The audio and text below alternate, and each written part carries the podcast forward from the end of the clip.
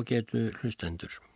Rétt fyrir jólinn árið 1951 þá byrtist á baksíðu þjóðviljans, dagblads Sósialistaflokksins á Íslandi, ábyrjandi frétt þar sem spurt var hvort lögmaðurinn Lárus Jóhannesson hefði þegið háan styrk frá bandaríkunum leynilega til þess að þýða og gefa út stóra og þykka bók sem þá hafði komið út á íslensku í vetrarbyrjun og nefndist í þýðingu Lárusar Ég kaus frelsið og var eftir úkrænumann að nafni Viktor Kravchenko, mann sem hafði flúið Sovjetríkin árið 1944. Þjóðvilin upplýsti að eftir að hafa leitað til sérfróðsmanns í bókútgáfu, eins og blæðið komst að orði, þá væri niðurstaða þessu að svo þykk bók og svo mjög auglýst í blöðunum undanfarnar vikur eftir útkomu hennar, hún hliti að kosta útgefandan Lárus háar fjárhæðir. Óhjákvæmilegt tap á útgáfunni væri að minnstakosti 70.000 krónur sem var háupphæð í þá daga. Og þjóðvilín sagði, Lárus Jóhannesson er slingur fjáraflamaður og kastar ekki fyrir í stórum stíl í vittleysu. Engin lætur sér detta í hug að hann kasti 70.000 krónum af eigin fyrir í það að gefa út ég kaus frelsið. Hvaðan fær hann þá fyrir til að mæta hallanum, spurði bladið ábúðar mikill. Og þjóðvilin upplýsti enn fremur að verkið ég kaus frelsið væri ekkert annað en blákalt áróðurstreit gegn sósialistum og sovjetríkinum. Heljar mikill doðrandur, saði bladið, og höfundurinn talin vera drikkjusjúklingur að nafni Kraftchenko, þótt hitt sé alkunna að hinn raunverulegi höfundur væri bandarískur atfinnu falsari að nafni Ísak Levin.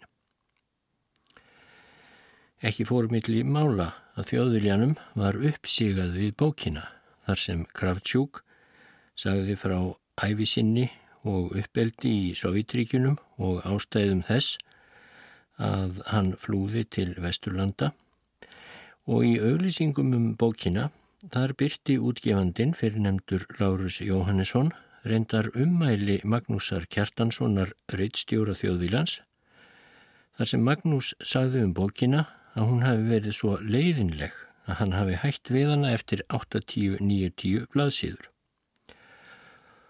Og hafi Magnús Kjartansson þó óneitanlega fyrirfram mikinn áhuga á hverju því sem skrifað var um Sovjetríkin og byrtist á íslensku, svo umæli hans voru ekki mjög trúleg og Lárus byrti þau í auglýsingu líklega Magnúsi til háðungar frekar en nokkuð annað. En nokkru setna saði svo Gunnar M. Magnús rítufundur líka í þjóðviljanum að þessi sama bók, Ég kaus frelsið, væri meira nýð um fyrsta verkalýsiríki veraldarinnar, þar að segja Sovítríkin, en flestum öðrum hefði tekist að koma saman og Gunnar bætti við að nokkuð væri ræpan laung því ærið væri bókin þykk en Gunnar stærði sig raunar beinlýnis af því að hafa ekki lesið bókina.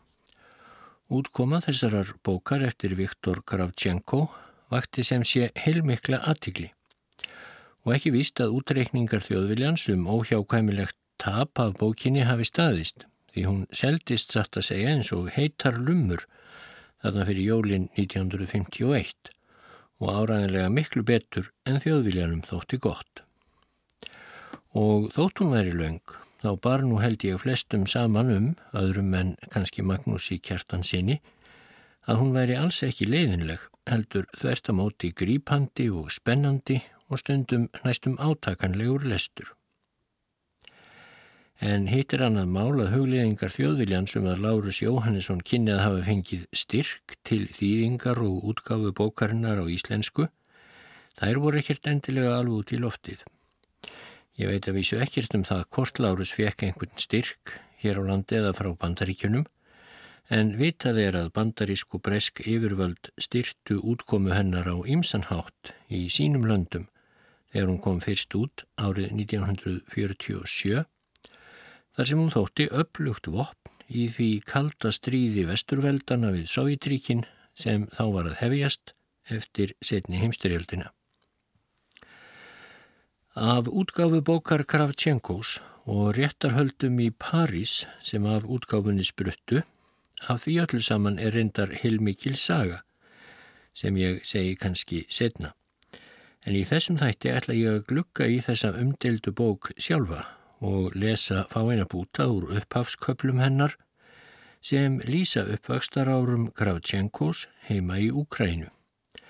En hann fættist árið 1905 og var því að komast á táningsaldur þegar kommunistar tóku völd í landinu í kjálfar byltingar gegn henni feisknu keisarastjórn sem ríkt hafði í Rúslandi um aldir. Í byli tek ég aðeins fram út af orðum þjóðviljans um að höfundur þessa mynda áróðurstriðs væri ekki drikkjusjúklingurinn Kravtjenko heldur atvinnu falsarinn Ísak Levin, þá er það reyndar fjari sanni. Þótt Kravtjenko nýtir reyndar aðstóðar frá þrautrindum bladamanni við að festa minningar sínar á blad, eins og alþægt er í þessum bransa. En sá hér reyndar ekki Ísak Levin, heldur Eugene Lyons og var reyndur og flinkur bladamadur í bandaríkunum, reyndar fættur í Kvítarúslandi og Lyons hafði til dæmis unnið sér til fræðar að taka merkilegt viðtal við Jósef Stalin meðan hann vann sem fréttarittar í Sovjetríkunum um 1930. Líjóns var sósialisti en varð fyrir vonbreyðum með framgang mála í Sovjetríkinum rétt eins og Viktor Kravchenko sjálfur. Og þá vikur sögunni að uppvakstar árum Kravchenkos í Úkrænu.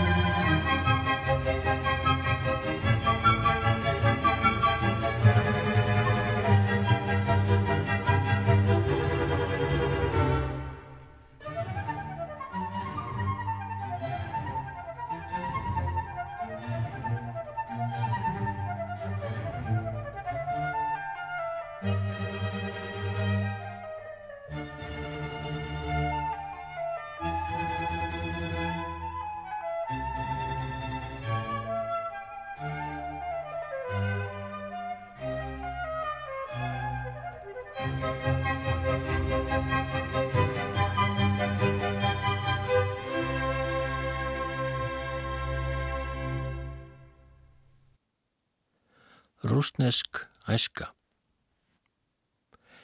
Þremur sónum Andreis Fjodorovits Kravtjankós en af þeim var ég annar í rauðinni, yngri en Konstantín og eldri en Jevgeni, reyndist byltingin árið 1905 annað og meira en það eitt að hafa lifað þá daga. Hún skein í leitskrúði ævintýraljómans og jafnvel ósigurinn sem byltingarmennirnir máttu þóla átti sinn dýrðar bjarma. Hann fól í sér eins og síniskápur á sapni, fullkomið sínishorn, dáða, ógna, hugssjóna og fórnarvilja sem í saminningu mynduðu mælikvarða á samskonar fyrirbæri setna á æfinni árið 1917. Þetta var að vísu nokkuð takmörkuð bylting bundin ekki einungis við borgina Jekatarinoslav, heldur einnig við fundi, bardaga og ofsóknir sem fadur minn hafði orðið fyrir eða tekið þátt í. Merknöfn sem síðar hafa orðið fræg í sögunni skínu fyrst á hinnum rúsneska himni árið 1905 og dugar þá að nefna Trotski. En við í Jekatarinoslav vissum þó vel að raunverulegur fóringi og hetja uppreysnarinnar hafiði verið hinn ákaflindi og fallegi fadir okkar, grannholda og þrekmikill með svarta líðaða hárið og geistlandi bláu augun. Og það voru í raun og veru nokkur sannleikskorn í þessum ljúfu draumórum okkar um hlutverk föður okkar. Uppreysnin 1905 hófst í Jekatrínoslav með allserjarverkvalli og verkvall hjáttbröytarverkamannana hafði verið upp af þess og var ávalt kjarnið þess.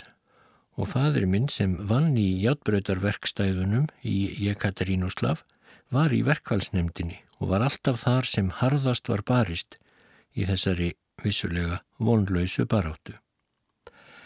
Eftir ósigurinn varða fadur minn að gjalda grimmilega fyrir eldmóðsinn.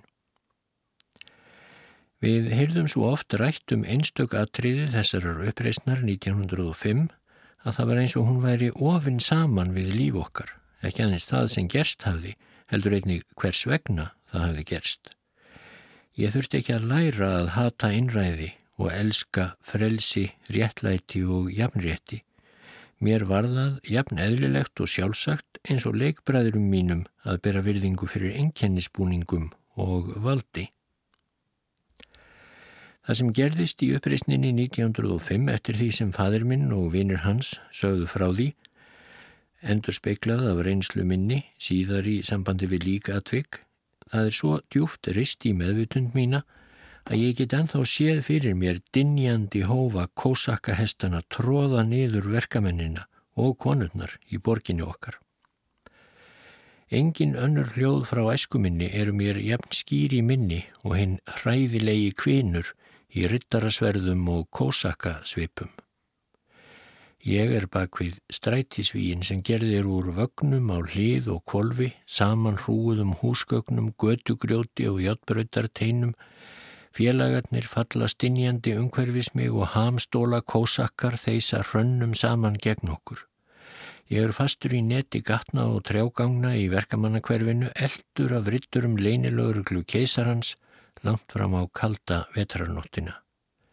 Því næst verður dauðathögn, líkin liggja í kynlegum stellingum og rauðir potlar breyðast hægt yfir snjóin eins og blekblettir á þerri blaði mínu.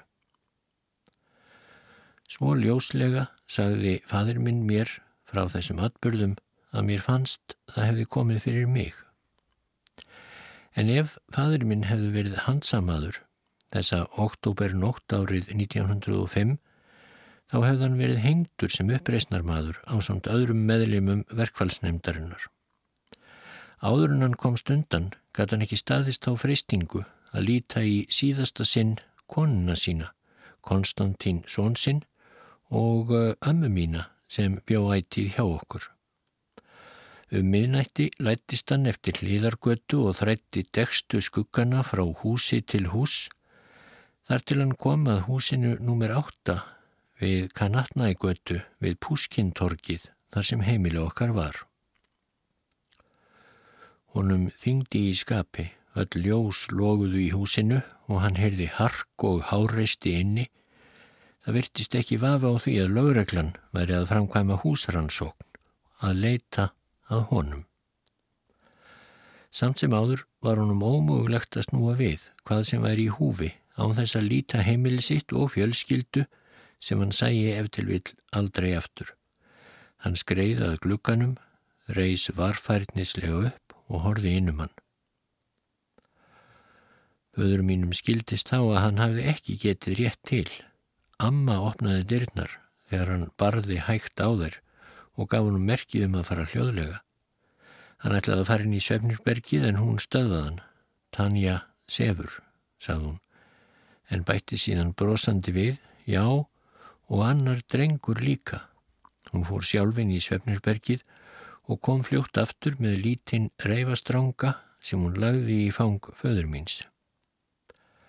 Því ég fættist þessa nótt nótt með dauða bak við strætisvíin, riflaskot, blóðu, rittarasverð og ræðslu óp í ringulreið gatnanna þar sem fátæklingarnir áttu heima.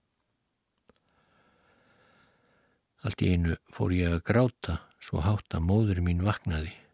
Hlustið á hann, uppreysnar mannin, sagði fadur minn blíðlega. Á viðkvæmum stundum setna nefndan mig ættíð uppreysnar mannin. Þegar ég var orðin fullorðin maður önnum kafin við störf fyrir sigursæla byltingu, þá nefndan stundum þetta gælunafn með hæðinis hreim sem særði mig reyndar dýpra sári en hann hafði hugmyndum. Ég lá millir þeirra fyrstu stundir æfi minnar meðan fadur minn síndi konu sinni blíðu allot í kveðjuskinni.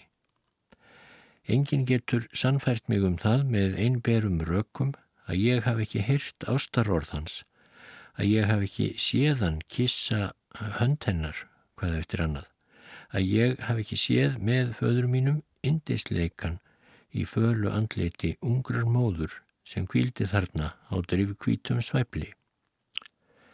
Fyrstu nýju ár æfiminnar, eða til 1914, þá var fadur minn ókunnur töframaður. Þau tímabil sem hann var frjáls voru aldrei nægilega laung til þess að við börnin kynntustónum af dagleguru umgengni eins og önnur börn við götun okkar kynntust feðrum sínum. Ævintýralegastar voru heimsóknir hans þegar hann var á flótta undan yfirvöldunum. Ég lakkaði til þessara heimsókna eins og þær ættu sér ákveðin tíma á sama hátt og mislit páskaegg eða jólatrí. Ég skóp mér myndavonum af dreifðum bendingum og sviplifturum, af ástríkum orðum móðurminnar og ömmu, af skindilegum áhyggjum út af öryggi hans, af brotum af hljóðskrafi byltingarfélaga hans, menn sem voru á flóttundan lögreglunni lindust ofta á heimili okkar. Einkennisklættir stúdendar með andleitt strætti meinlætamanna, skekkjaðir tötrumklættir menn frá henni lindardómsfullu og hræðilegu veröld sem kölluð var Sýberja. Þessir menn sem stóðu svo stutt við og frásagnir þeirra um flótta úr fangelsum, embættismenn, keisarans sem þáu mútur, kenniorð og dulargerfi Allt þetta var einnig hluti af æfintýralegri myndminni af föður mínum. Konstantín bróður minn sem var um það byrj átján mánuðum eldri en ég sagði mér allt sem hann kom stað. Við verðum að mun eftir því vittja, sagðan stundum, af miklu yfirlæti, að papp okkar er korki ræningi nýja morðingi, hann er pólitískur. Já, gott já, játaði ég á þess að skilja nokkuð. Einn jólanótt, svo þriðja sem ég livði, stendur ljóst fyrir hugskottsjónum mínum í öllum atriðum. Einn blaðsíða í myndabók sem ég hverf oft til í unaðslegri ángurværið. Amma vekur okkur af djúpum helgidagsvefni. Ég sé fyrir mér nýju leikvengin okkar sem dreifðir um gólfið í Svefnirberginu. Komiði lampin mín og hveðið veslingsföður ykkar, sað hún snögtandi. Sifjaður og ringlaðir klættir í síðu náttfötun okkar, grípum við bræðurnir hvori í sína hönd ömmu og hún leiður okkur inn í dagstofuna. Ég ligni eftir augunum vegna þess hver ljósið er bjart og hver margir eru þar inni. Eitt er er vinur fjölskyldunar, hinn er ókunnugir menn í enginnisfötum. En brenna ljósin á jólatrénu en mamma grætur í ljóði og er að láta niður í ferðartösku. Amma fer með okkur að hinnum heilaga lampa í dýrlingahorninu. Þar krjúpum við á knýja með henni meðan hún hefur yfir hljóðabæn og lítur svo að enni hennar snertir gólfið. Maður sem ég veit allt í einu að er fadur minn hefur mig á loft þrýstir mér fast að sér og kissir mig hvað eftir annað. En í nótt er hann skrítinn, andlit hans er svo bert, yfirskekkið og vangaskekkið, allt horfið. Hann tekur kottja í faðum sér og kissir hann líka og að því búna fyrir amma með okkur út úr herberginu. Við dyrnar, við einhvern veginn man ég það skýrar en aðra hluta myndarinnar, þar stendur vopnaður lauruglufjótt með mikið allskekk og enkennisbúningin allan þakin málmi og hann grætur á þess að bliðast sín. Stór tár renna niður eftir liðuðu yfirskeggi lauruglufjónsins. Segna frétt ég að fadur minn, sem fór huldu höfði undan yfirvöldunum um þær myndir, hefði ákveðið að heimsækja fjölskyldu sína um jólakvöldið. Láreglan sem vissi af reynslu að flóttamenn lögðu sig stundum heldur í þá hættu að verða handteknir en að geta ekki dvalist hjá ástvinum sínum á stórháttíðum, hún lættist að húsi okkar. Á meðan þeir gerðu húsleit gáfu þeir byltingarmanninum klukkustundar frest til að láta niður dótsitt áður en þeir flyttu hann á brott. Næsta dag grétu mamma og amma í sífellu, hugguðu hvora aðra og heldu svo áfram að gráta en ákafar. Það sem gerst hafði var að fadur minn hafði gert tilraun til flótta úr ég Katarínoslovs fangilsinu en tilraunin hafði mishefnast hrapalega. Vafalust var að einhver hafði ljóstrað upp um föður minn. Nokkrir varðmenn og margir fangar hafðu verið drefnir við flótatilraunina sem margir aðrir fangar en einungis fadur minn tóku þátt í. Þó að nokkrum hnífum og skambissum hefðu verið smiklaðinn í fangelsið á hinnum löngu undirbúningsveikum þá leiði ekki á löngu þar til uppreysnarmennirinnir í fangelsinu hafðu verið yfirbögaður. Blóðbaðið og sigurinn yfir hinnum pólitísku föngum þá nótt varð frækt í byltingarsögur Úslands. Svo er að sjá sem fadur minn hafði verið barinn með svipu þar til hann var að dauða komin. Nokkru eftir þetta þá varð úr að Viktor hinn ungi var eh, sendur til dvalar hjá föður afa sínum og ömmu í borginni Aleksandrovsk, ekki allfjari. Þar var hann talinn örugari. Og Kravchenko skrifar Aleksandrovsk eftir Bildinguna var nafninu breytt í Zaporosja. Þetta var reynlegt og friðsamlegt sveita þorp eiginlega. Það lág milli hins breyða og ströymligna dnjeburfljóts og skói vaksins umhverfis og þar var lifað áhyggju litlu og tilbreytingarlausu lífi. Þó að þar væru tígulsteins og múrsteinsverksmiðjur, nokkrar málmsmiðjur og annar vísir til byrjandi yðnaðar Þá var lífið í bænum enn nátengt henni frjósömu mold Úkrænu. Flestar fjölskyldur hafðu matjúrtagarða og sömar aldingarða. Í næstum því öllum húsagörðum var, eins og í þeim sem var miðdebill lífs míns á næstunni, fullt af kjóklingum, öndum, gæsum og svínum.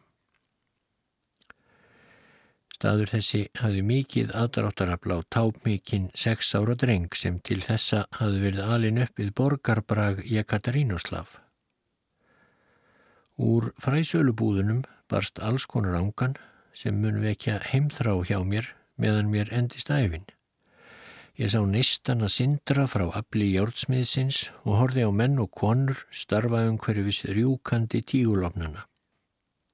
Á markaðstögum fyltist aðalgatan af vögnum bændana. Mennirnir klættust vattfóðruðum yfirhöfnum eða söðskinsjökkum og konurnar víðum pilsum eins og tebrúðan okkar heima. Berfætt sveitabörn horðu feimnislega á okkur bæjardrengina. Við Jæðar Aleksandrovsk stunduðu búlgarinnir gardarækt í ríkum mæli og lengra út í skóginum stöðuðu tatararnir skreitt af vagna sína, reistu tjöld sín og kynntu bál hinnar löngu nætur.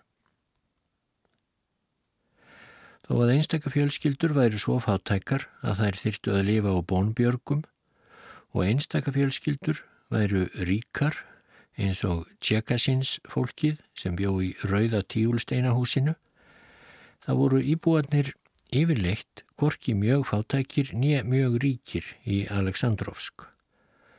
Bærin gatt stært sig af tveimur kvikmyndahúsum og gamlir bændur sem í fyrsta sinn sáu yðandi myndirnar á léreftinu syngdu sig í öryggiskinni gegn þessum töfrabröðum djöfulsins. Þau fimm ár sem ég átti heima þarna í Aleksandrovsk þá komu þó nokkuð oft flokkar leikara frá Kíjef eða Odessa og heldu leiksýningar þar viku tíma í einu. En trúðar, fimmleikamenn, sjónkverfingamenn og skrítnir menn með dansandi byrni söfnuðu oftað sér mannfjölda í listigarðinum.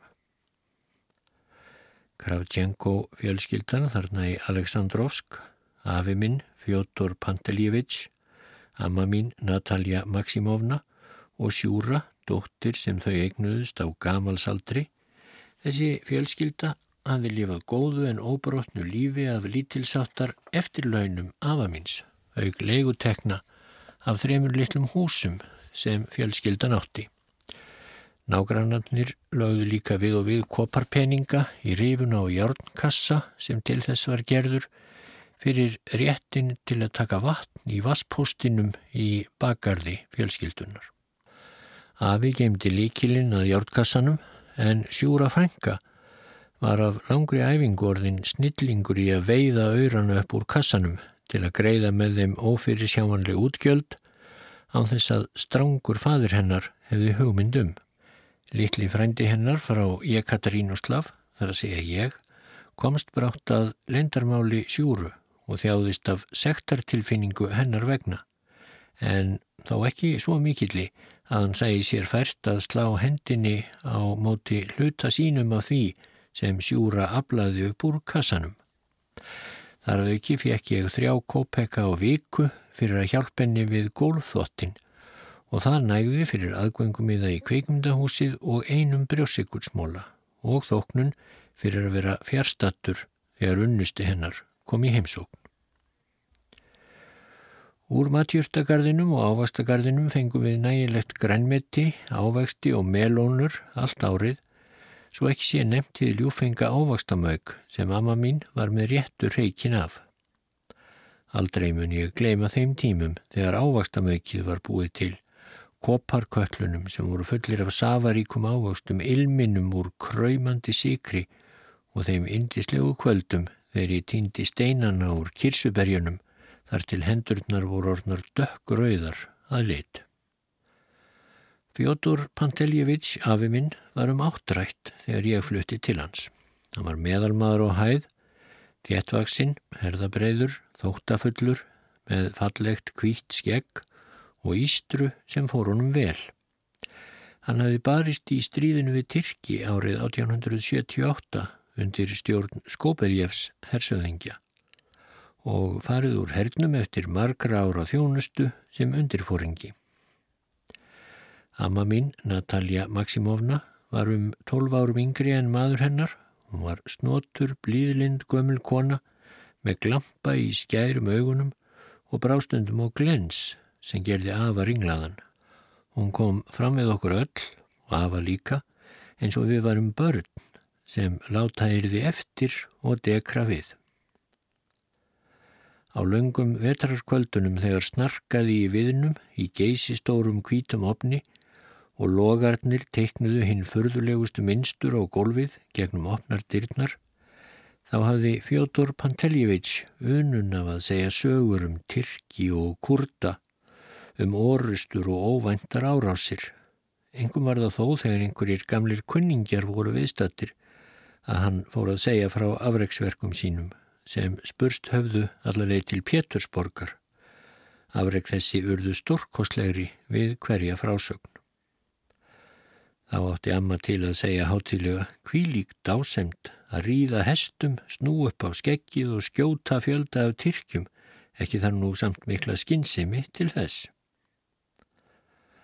Á sunnudögum og öðrum helgidögum fór Fjótor Panteljevits í enkennispúning sinn, skrautlegan bláan klæðnað með skínandi látónsnöppum og kvítum snúrum niður með saumunum á víðu reyðböksunum sem stungið var niður í há stígvél.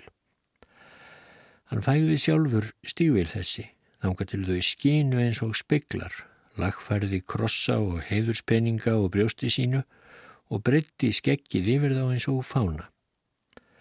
Að því búinu tók hann um litla hönd mína með stórum og hörðum lofa sínum og leti mig til kirkju. Engin drengur í Aleksandrovsk var reiknari en ég og mér fannst aðeins sangjant þegar íbúarþorpsins sem voru lægra settir, greinilega, liftu höttum sínum í lotningu fyrir honum og spurðu eftir líðan ömmu. Afi var ekki síður reikinn af svona sinni sínum, þar að segja mér, þó svo að strángar grundvallareglur hans bönnuðu að láta slíkar tilfinningar í ljós. Sónur Andreis, sagðan, með vandlega hugsuðu tómlæti þegar fólk spurði hver ég væri.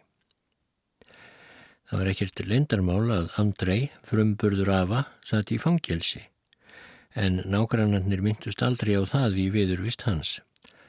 Það var einmitt eitt dæmi um þá ógæfu sem drottin alvaldur leggur á herðar diggum þjónum sínum. Fjótur Panteljevits elskaði svonsinn og dáðist ég að bilaðunum en hann gæti alls ekki samrýmt gáfur hans og ættgöfki guðurlasti hans gangvart kesaranum. Afi kendi þetta án þess að gera sér ljósagrein fyrir því námi svonarsins og þeirri sorglegu staðrind að hernaðarandi rússa væri í rénun. Ég hef alla æfi verið góður hermaður, var hann vanur að segja, og þannig mun ég hveðja þennan heim. Ég starfa og þjóna guði og ég hef ekki yfir neinu að kvarta. En hvað vil Andrei? Mér er það með öllu óskiljanlegt. Amma og sjúra frænka sem vissu að mér fjall þetta ítla reynda þakka honum. Þær sögðu að Andrei væri mentaður maður sem skildi veröldina, kannski að undanteknum Tyrkjum og Kurtum. Ef til vill, ef til vill, játaði afi minn þungbrinn og bætti við mín vegna. Andrei er í fangelsi, sattir það, en ekki fyrir þjófnað eða morð, aðeins vegna stjórnmála, það er mikill munur á því. Þegar ég fekk bref frá mömmu sem sjúra frænka las upphátt fyrir okkur öll, þángar til ég lærði að lesa, þá voru alltaf í þeim fréttir um pappa. Þá glimti Fjótor Panteljevits sér stundum og talaði bisklega um þennan þverúðar fulla svonsinn og virðingarleysi hans gagvert keisaranum. Einu sinni þegar þetta gerðist þá varði ég svo reyður að ég öskraði og beit af að minn í höndina.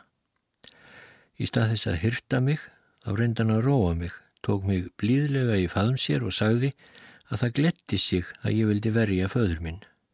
Mitt blóð rennur í æðum þínum, sagðan.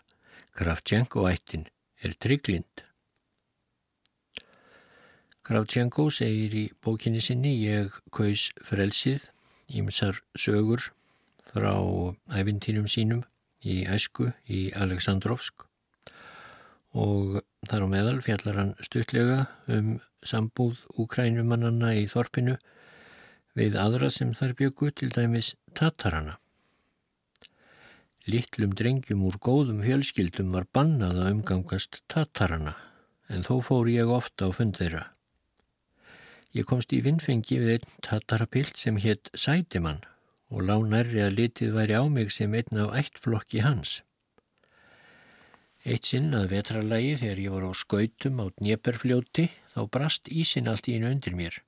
Sætimann stakk sér niður í ískalda vökinu og bjargaði mér. Það staðfesti vináttu okkar. Oft voru ég að heiman undir margskonar yfirskínu og hljóp til tjaldbúða tatarana í útjæðri bæjarins. Ég satt stundum saman við bál þeirra, hlustaði á þjóðsöngva þeirra og var hellaður af hinnum enkennilugu síðum þessa vingjartlega og síglaða þjóðflokks. Tatarakonurnar spáðu fyrir mér fyrir einn eða tvo kópeka. Undantekningar löst á fullirstu þær að með aldrinum myndi ég verða auðugur, laglegur og frægur. Ég myndi lifa í paradís, það kynni dýrindis steinum og um paradís streymdu hunangselfur. Þar myndi ég búa með fagur í stúlku. Stundum var hún ljóshærð, stundum dökkhærð. Viðhafnar mikið brúðkaup átti einu sinni að fara fram í tjaldbúðum tatarana og stóð undirbúningur þess í margar vikur. Sætimann lagði fast að mér að koma í veistluna og til þess langaði mig öllu öðru fremur. En hvernig átti ég að komast að heiman þetta kvöld? Í vandraði mínum gerði ég afaminnað trúnaðarmanni. Í fyrstu reyttistan því að ég skildi hafa verið að leggja lagmitt við tatarana en þegar ég sáð hann hvernig sætimann hefði bjargað lífi mínu, þá náði hermanleg hugpríði yfir tökum á kynþáttar hrókanum. Það var ekki nómið að ég fengi að fara, heldur ætlaði hann að koma líka. Afi fór í enginnisbúningin við þetta tækifæri, greitti betur úr skekkinu en nokkuru sinni fyrr og tók með sér nokkrar smá gjafir, svo að hann varð mikil smetinn gestur í veislunni gengi mitt meðal tatarana sveif heiminn hátt Ungir og gamlir höfðu búist sínu lit auðugasta skarti og hengt á sig glansandi skartgrippi fyrir brúkafsveisluna. Leikið var á fiðlur og gítara af lífi og fjöri langt fram á nótt. Þegar á allt er litið var þetta reynsla sem illjaði hugminn og hjarta og vegna þessara reynslu hef ég alltaf kent í brjústi um þá menn sem skildi ekki lífverðni tatarana. Þessir sælu dagar gátt ekki enst endalust. Ég var á nýjunda árinu, skrifar Viktor Kravchenko, þegar fyrir heimsturjöldin braust út. Skyndilega var allt lífið þrungið af æsingi og breytingum, hermen, ræður, tár, heiður. Mér fannst lífið verið orðið sífeldur hátíðistagur. Kennarar okkar í skólanum glimtu námskreinunum og heldu þessi stað ræður um föðurlandsást, að einum þeirra reyndar undan skildum. Fadir Maxím fekk okkur til að þylja ástríðu fullar bænir um sigur. Konur grétu og néru saman höndunum af harmi þegar sínir og einmenn yfirgáfu heimilinn í herflokkum. Amma grét líka af samúð, en afi virtist yngjast upp. Hann rétti úr sér og varð hermanlegri þegar hann gaf fjölskyldu sinni fyrirskipanir. Hann klættist nú næstum stöðugt blákvíta hermanabúningnum sínum og fannst hverju viku eitt til ónýttis ef ekki var höfð hersýning í bænum. Og ef hann skópeljaf hersöðingi væri nú á lífi, þá myndi hann taka í lurgin á þjóðverjónum. Tyrkirnir geti ekki einu sinni staðist honum snúning, sagðan. Dagan okkur í ágústmánuði 1914, þegar við afi vorum nýkomnir af fiskveiðum, þá var drepið á dyr. Amma fór til dyra og við heyrðum hann að hrópa í geðsræringu með grátljóð í röttinni. Andrúsja, hver haldið að sé hérna börn, engin nema Andrúsja. Þetta var fadur minn. Hann var snirtilega til fara og þegar hann tók ofan svartan hattin sá ég að hárið var greitt beint aftur eftir nýri tísku. Skekk hans var klift og líktist meira skekki læknis en verkamanns og það var að líti ljósara en hárið. Hann var ekki eins hávaksinn og glæsilegur og mig myndaðan væri, en hann var áþreifanlegri og föðurlegri og ég var ánaður með það. Þegar hann var búin að hilsa foreldrum sínum og sjúru sýstur sinni með kossi, þá kom hann til mín. Fyrst í stað hann mér frá sér með framréttum örmum og virti mig fyrir sér með alvöru svip. Auksínlega stóðst ég prófið, því hann lifti mér upp, faðmaði mig að sér og bað alla að gefa gauma því hver sterkur og laglegur ég væri að verða. Hitt fólkið horfi á með augljósri ánæju eins og þetta veri því að þakka.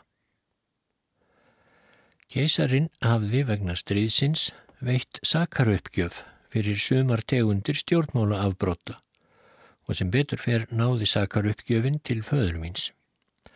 Hann var nú komin til að heimsækja fóreldra sína og svon. Heimsóknin glatti af að minn og kom honum í gæðsræringu. Gleði hans var sönn. En þegar við settumst við kvöldverðarborðið náði gremja hans við svonin sem hafi valdið honum svo miklum áhyggjum aftur undir tökunum. Afi drakk glas af kvöldu vatni, syngdi sig og tók til matarsins. Það var merkið til okkar allra um að við getum byrjað á fiskbúðingnum. Dálitla stund satt Afi gamli á sér og hlustaði á fréttir af fjölskyldunni en að lokum leist hann frá skjóðunni.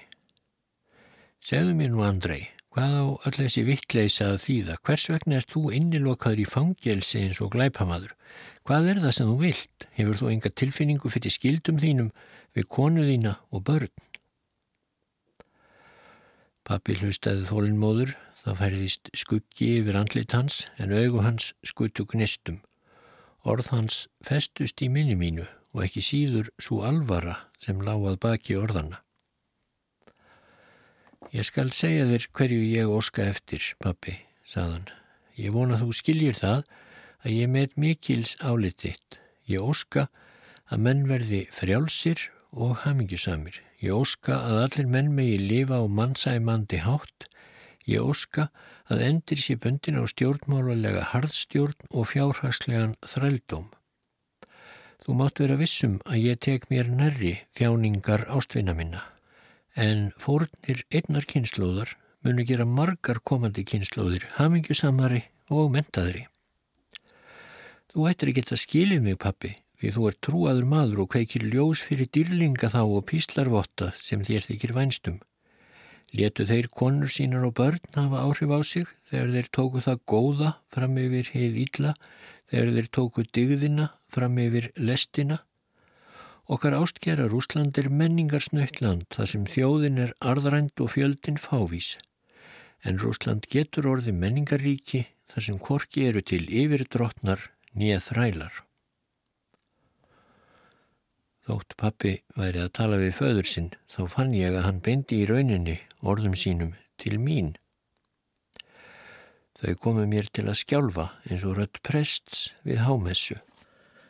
Hvað börnunum mínum viðvíkur lög fadur minn máli sínu og horfi nú beint í auga mér, þá óska ég þess ekki aðeins að þau heldur öll börn verði hamingisum vegna þess blóðs sem við höfum fórnað. Afi minn var lengi hugsi. Það er ekki drangt í því sem hún segir, svaraðan, en því gerir mig ringlaðan. Ég hef alltaf þjónað keisaranum eins og fadir minn á undan mér og fadir hans á undan honum. En þú ert öðruvísi, Andrei, þú sérð hlutina frá annari hlið, frá neðri hlýðinni, ef svo má segja. Guð fyrirgefið þér ef þú hefur rangt fyrir þér. En það sem þú trúir hreinskilnislega á málstaðinn verður þú að haga þér í samræmi við trúðína og ég mun eftir mætti reyna að koma börnum þínum til hjálpar á meðan ég lifi. Það leið á löngu áður en ég geti sopnað, svo gagntekin var ég af orðum föður míns. Næsta morgun fórum við á þjóðræknis samkomu. Hersýning var haldinn og lúðrasveit leik. Prestar í flaksandi skikkjum, blessuðu mannfjöldan, götusalar, seldu ís, góstrykki og eh, kjöttposteikur. En pappi fór snemma með mig á bekki í skrúðgarðinum þar sem við borðuðum rjómaís og töluðum saman. Jæja, drengur minn, þá sjáumst við aftur. Hann sagði mér frá lífinu í fangilsinu. Eftir lýsingu hans virti stað á einhvern hátt geyslum stráð því að þjáningin sem hann mátti þar þóla var skýrð af vináttu og ást á stórkoslegu málefni. Glemdu aldrei, sagðan, hver þú ert. Vertu alltaf trúr baráttunni fyrir frelsinu. Það er ekki eftir að lifa án frelsis. Hvað sem um mig kann að verða þá verður þú að halda áfram að stunda nám, vinna og berjast með öllum ráðum fyrir hugssjóninni. Annarkvort erum við svín eða menn og ef við erum menn þá getum við ekki sætt okkur við að vera þrælar.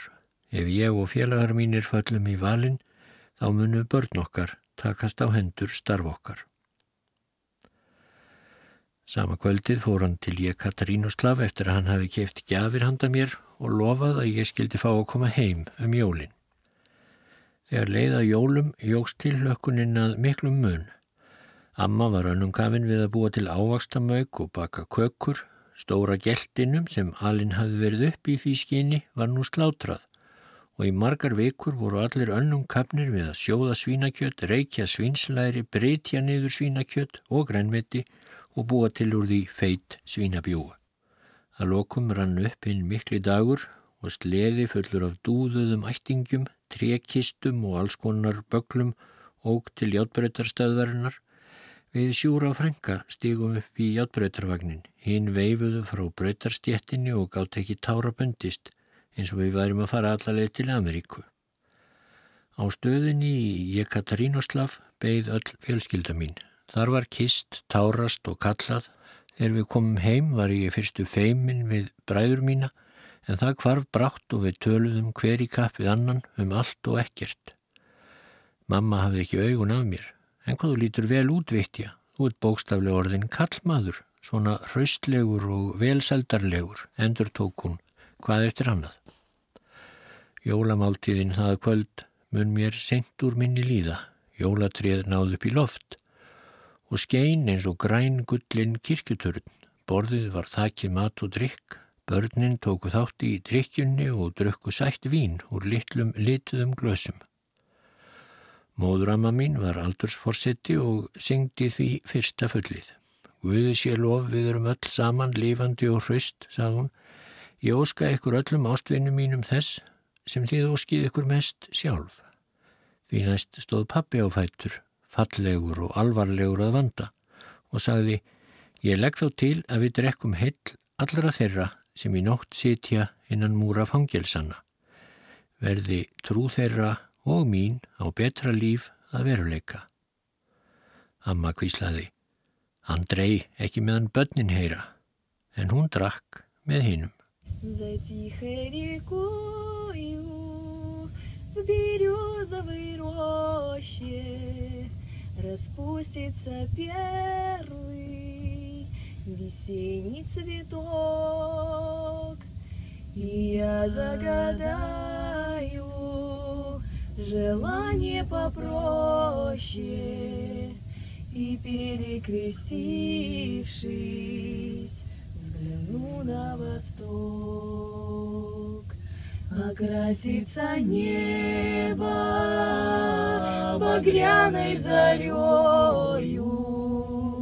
И вечное солнце над миром зайдет, белая птица взлетит над землею, и Божье прощение с небес принесет, и белая птица взлетит над землею, и Божье прощение с небес принесет, и что-то большое откроется сердцу, такое, что жи, ой, жизнью моей не объять, и станет спокойно, и сладко, как в детстве, когда обнимала и станет спокойно, и сладко, как в детстве, когда обнимала меня моя мать. Молитва святая, слезами прольется Христовой любовью, исполнится грусть, и в это мгновение душа прикоснется к великой вселенной. По имени Русь. Eins og framkom í byrjun þá er bókin hans Kraftchenkos löng. Ég held þess vegna áfram í næsta þætti.